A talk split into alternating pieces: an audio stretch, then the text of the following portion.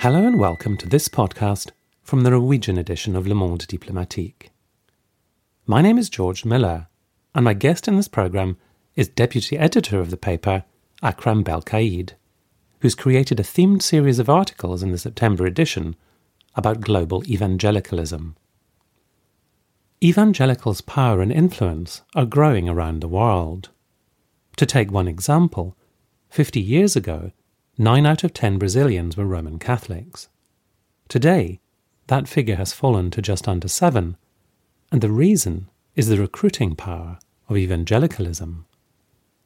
With numbers come money and political clout, not just in the evangelicals' heartland of the United States, but also in countries featured in in depth articles in this month's edition Nigeria, South Korea, and Brazil.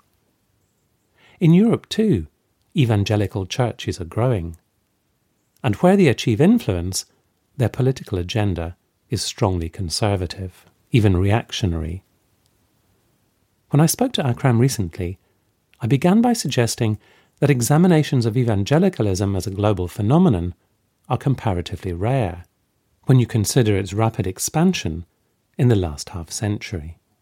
Yes, it is sure because uh, the number of uh, evangelicals is uh, approximately 600 million people in the world. So uh, the point is that we do live in a world where the religious fact is in decline and the religious references are not uh, mastered by uh, everyone, especially in the media.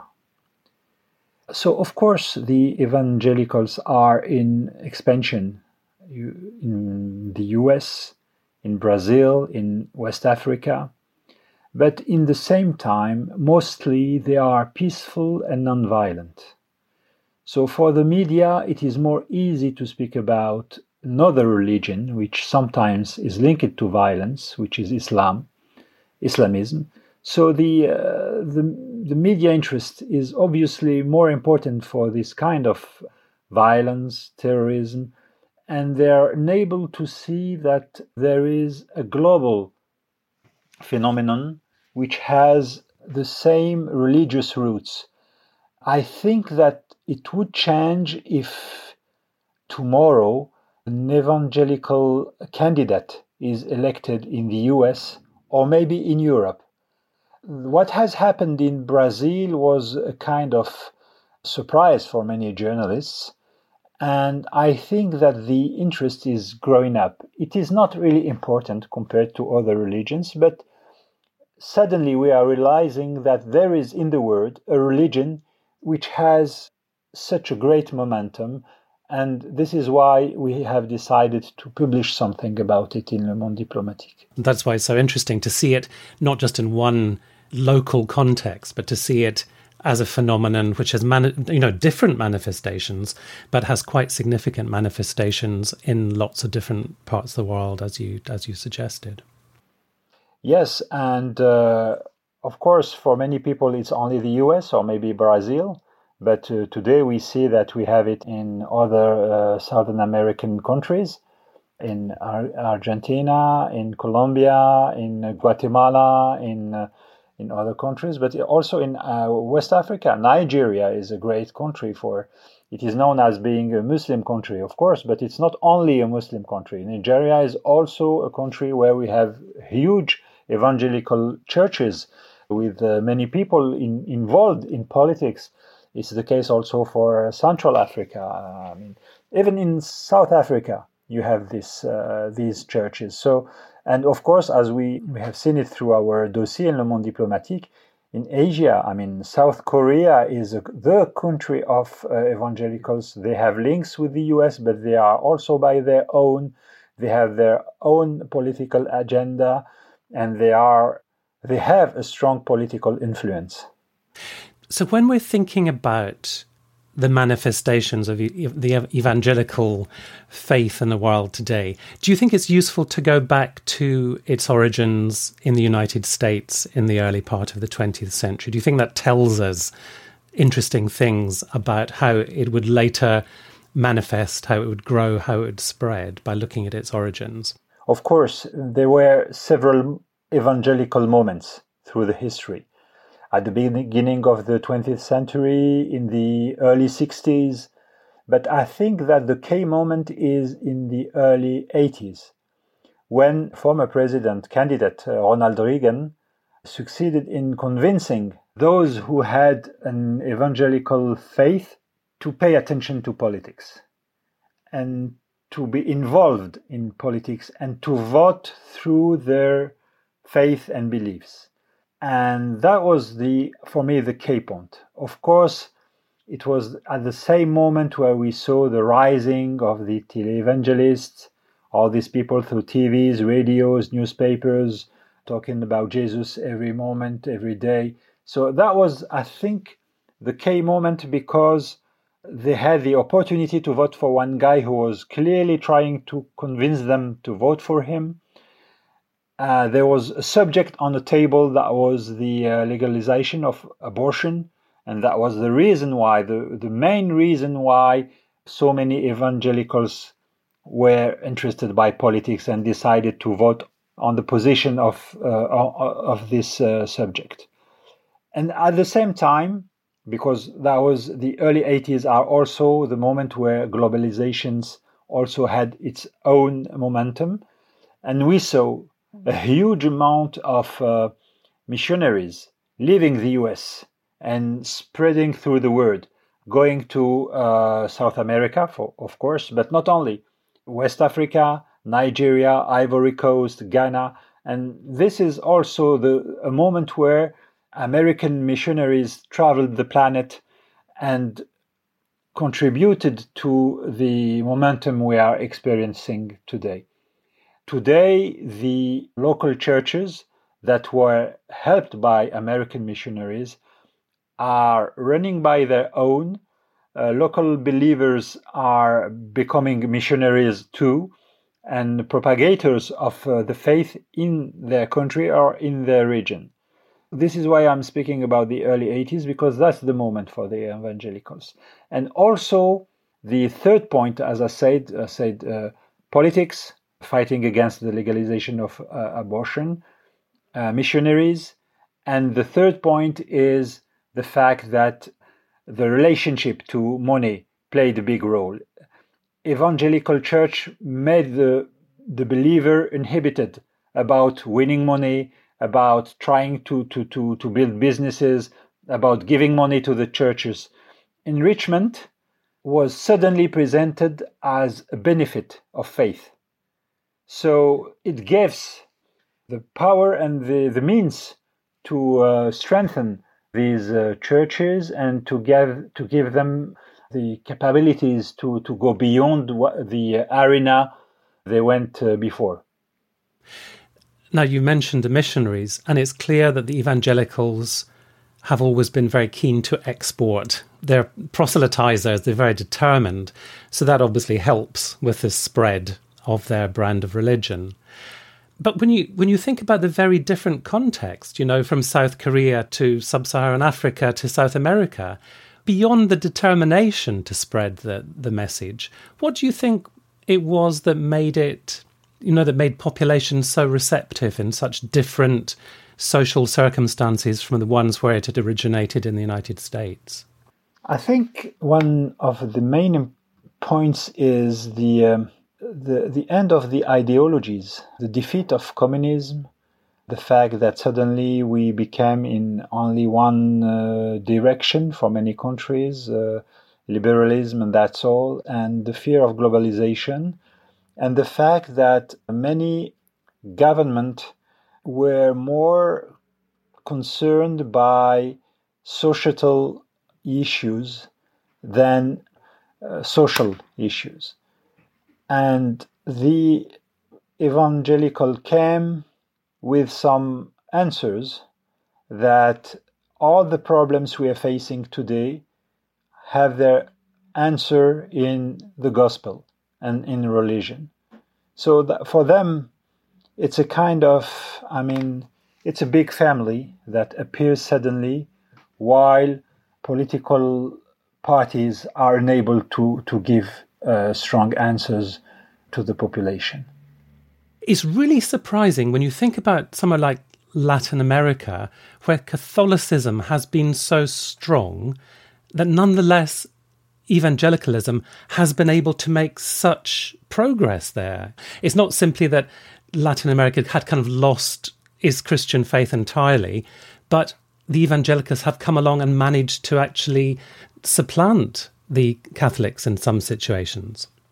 The evangelics came with new methods, they came with dynamism, they came with uh, arms opened, and they came with simplicity. It's such easy to build an evangelical church. You just need a place, you need a guitar, you need someone who is able to speak, to convince, to make a show, to have to be warm to the others, and to get directly in politics, not to be afraid of that. So this is why in South America we can see that many new believers in the uh, evangelical faith are coming from Catholicism. They, they are not people that had no religion before. They decided to abandon Catholicism because for them Catholicism was too strict, too narrowed, too much tradition.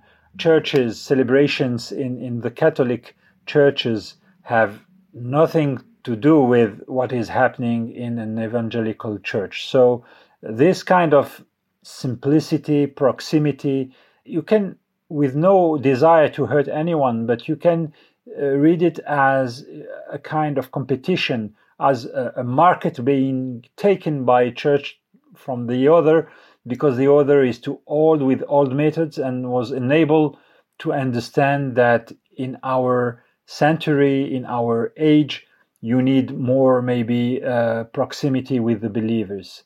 Evangelicals understood that they had to mobilize uh, against uh, sexual minorities' rights against the thing that society was trying to, to, to change and they were the only force that was able to maintain conservatism and the society as it was before.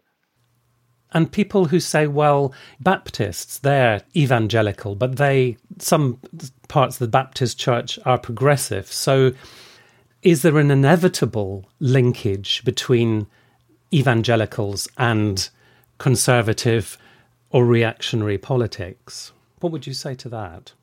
Well, the evangelical discourse is sometimes going, if I may say, in the right direction a rejection of wars, the need to fight against poverty.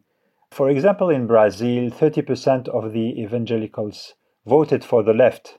So it is difficult to say evangelical means conservatism or ultra conservatism, but often it's the case. And this is because, once again, the question linked to society, abortion, marriage for all, right of sexual minorities, the relations between the minorities, all these topics are clearly a, mat- a subject for the evangelical churches. And if you see the the speeches in Brasilia, Sao Paulo, or in South Africa, or in Zimbabwe, or in Malawi, or Nigeria, it's the same. They, they say that their main goal is to protect the family.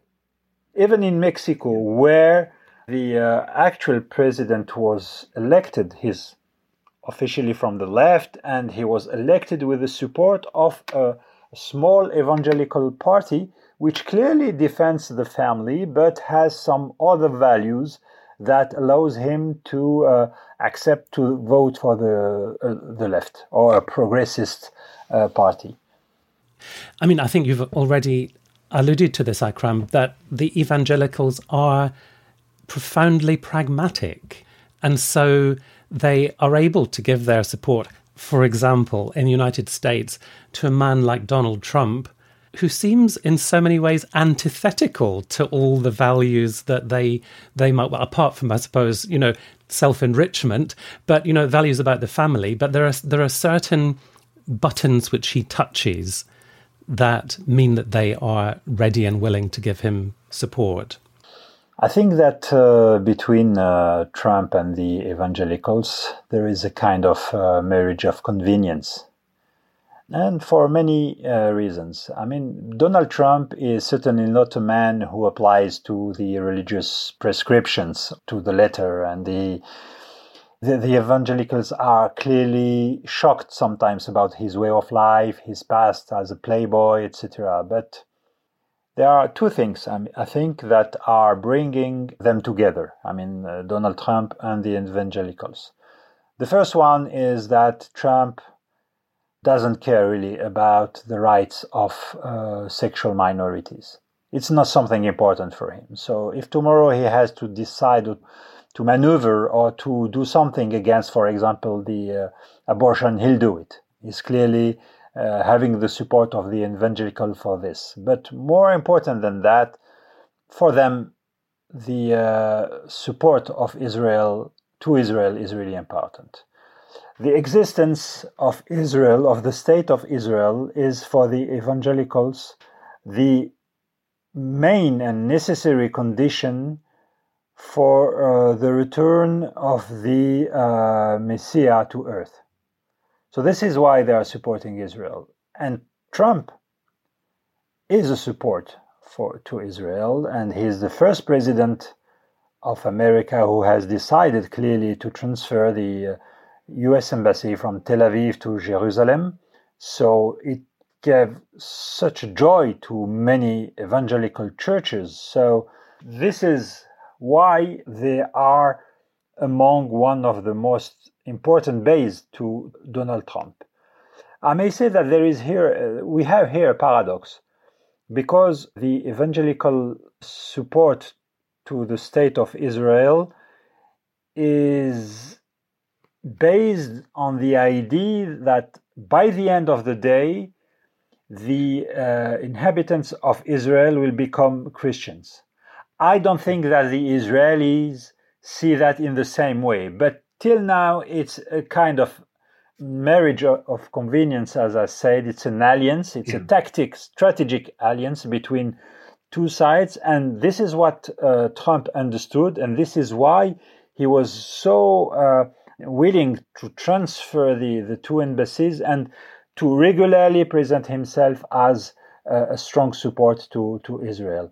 And the situation in, in the US is that we may say it's not clearly proved, but we may say that maybe the uh, evangelicals are Israel's best support in the US, more than maybe the Jew community, which sometimes is divided on, on the position to have uh, towards uh, the uh, state of Israel. So, Akram, the dossier makes clear that the evangelical churches are large and they're growing and they're proselytizing actively. They have media interests in many parts of the world, notably Brazil. They have growing political influence and sometimes direct political representation. So, all the signs are they're growing in their power. What can progressive politics do in the face of this? What is an effective challenge to this growing power of this reactionary religious political force? I think that regardless to uh, how to deal with them, the main point is how to uh, recreate an ideology or how to to have I may use uh, an evangelical word how to reborn politics when we you are yeah. from the left I mean the political field has been uh, abandoned by the left wing parties the progressist parties dealing with societal issues, which are important. I, I won't deny this, but forgetting the social issues. And uh, when you, you, you are unable to convince uh, a part of the population that uh, the idea of progress is important, that uh, you are the well-being is something that we can achieve for everyone, but by conducting some kind of policies, of course, you allow evangelical churches to become the, the only hope. And we may do uh, a comparison, and we see that uh, other religions are able today to take profit from the vacuum, the political vacuum that are facing so many uh, countries. I would like to also to to add the fact that what helps the evangelicals is that when talking about secularism in Western countries, we are too often led to speak only about Islam and not about the other religions, and in this case, the evangelicals. If I take the example of France, we have to convince people that they have to separate politics and religions. But this always applies, almost always applies to Islam. But no one is paying attention, maybe, to these mega churches where we have some ideas, political ideas, and maybe tomorrow we'll have some uh, results after elections directly linked to the growing influence of the evangelicals. For me, it's not a surprise to see uh, weeks ago I heard uh, a politician from the right uh, saying that uh, maybe we should pay more attention to baptism because it is important and so and so. I, I found it really interesting because for me, I, I saw it as a, a, maneuver to gain some uh, voices and support in, inside the, the, the population. Yeah, which is a worrying departure if we begin to see that in the same way that America has it, throwing some comfort to the evangelicals to try and get their electoral support. Yeah, but when you have no ideas, it's so easy to to go to, towards people that have ideas. Maybe they have simple ideas, but they have a, a way to see how the world has to work, and they have they want to. Once again, they they have their own vision and. Uh, and they are devoted to it, while our traditional parties are unable to, to react. And it is important also to note that proselytism is not the uh, only thing that happens in our suburbs. I mean, it's uh, it's uh, it's uh, if you go to if you come to Paris and uh, Sunday morning and you go to the suburbs, sometimes you may be surprised to see how important are the gathering of evangelicals around Paris or other cities like Lyon or, or, or Grenoble. We are at the beginning of something, clearly, clearly. But if the terminal point of the vision that's being offered is the end of the world, that's kind of like a it's like a sort of politics of despair, isn't it? I mean, I know I know it's a religious worldview, but if that then is transferred to a political arena, well, if you know if you're simply waiting for the end of the world, then yeah, and, but uh, it's a paradox because you have to wait for to, to wait for the end of the world. Is there is a kind of messianism uh, of an apocalyptic point of view, but in the same times, you convince the people that waiting for that, you have the right to enjoy the life. You have the right to take uh, profit from the life. You have the right to yeah. to build your own business, to be uh, on a dynamic uh, attitude. So you see, you, this balances the uh, apocalyptic visions of the end of the world and the return of the Messiah and uh, and so and so. You can get rich while waiting for the apocalypse. That's it, definitely. I was talking to Akram Belkaid about his article on the growing power of reactionary evangelicalism, co-written with Lamia Oualalou, which is in the September 2020 edition of Le Monde Diplomatique. You can also read companion articles on the evangelicals of Nigeria, South Korea, and Brazil in this month's paper. It's out now to our subscribers and also available in newsstands across Norway and Denmark. Subscribers can also access it and the complete archive of the paper online at www.lmd.no. If you're not yet a subscriber, there's plenty of open access content online to entice you to become one, and full details on how to go about it. In the words of the late John Berger, why read LMD? To make sense of what's happening in the world behind the misinformation. I hope you'll join me again soon for another interview with one of our contributors. Until then, thank you very much for listening, and goodbye.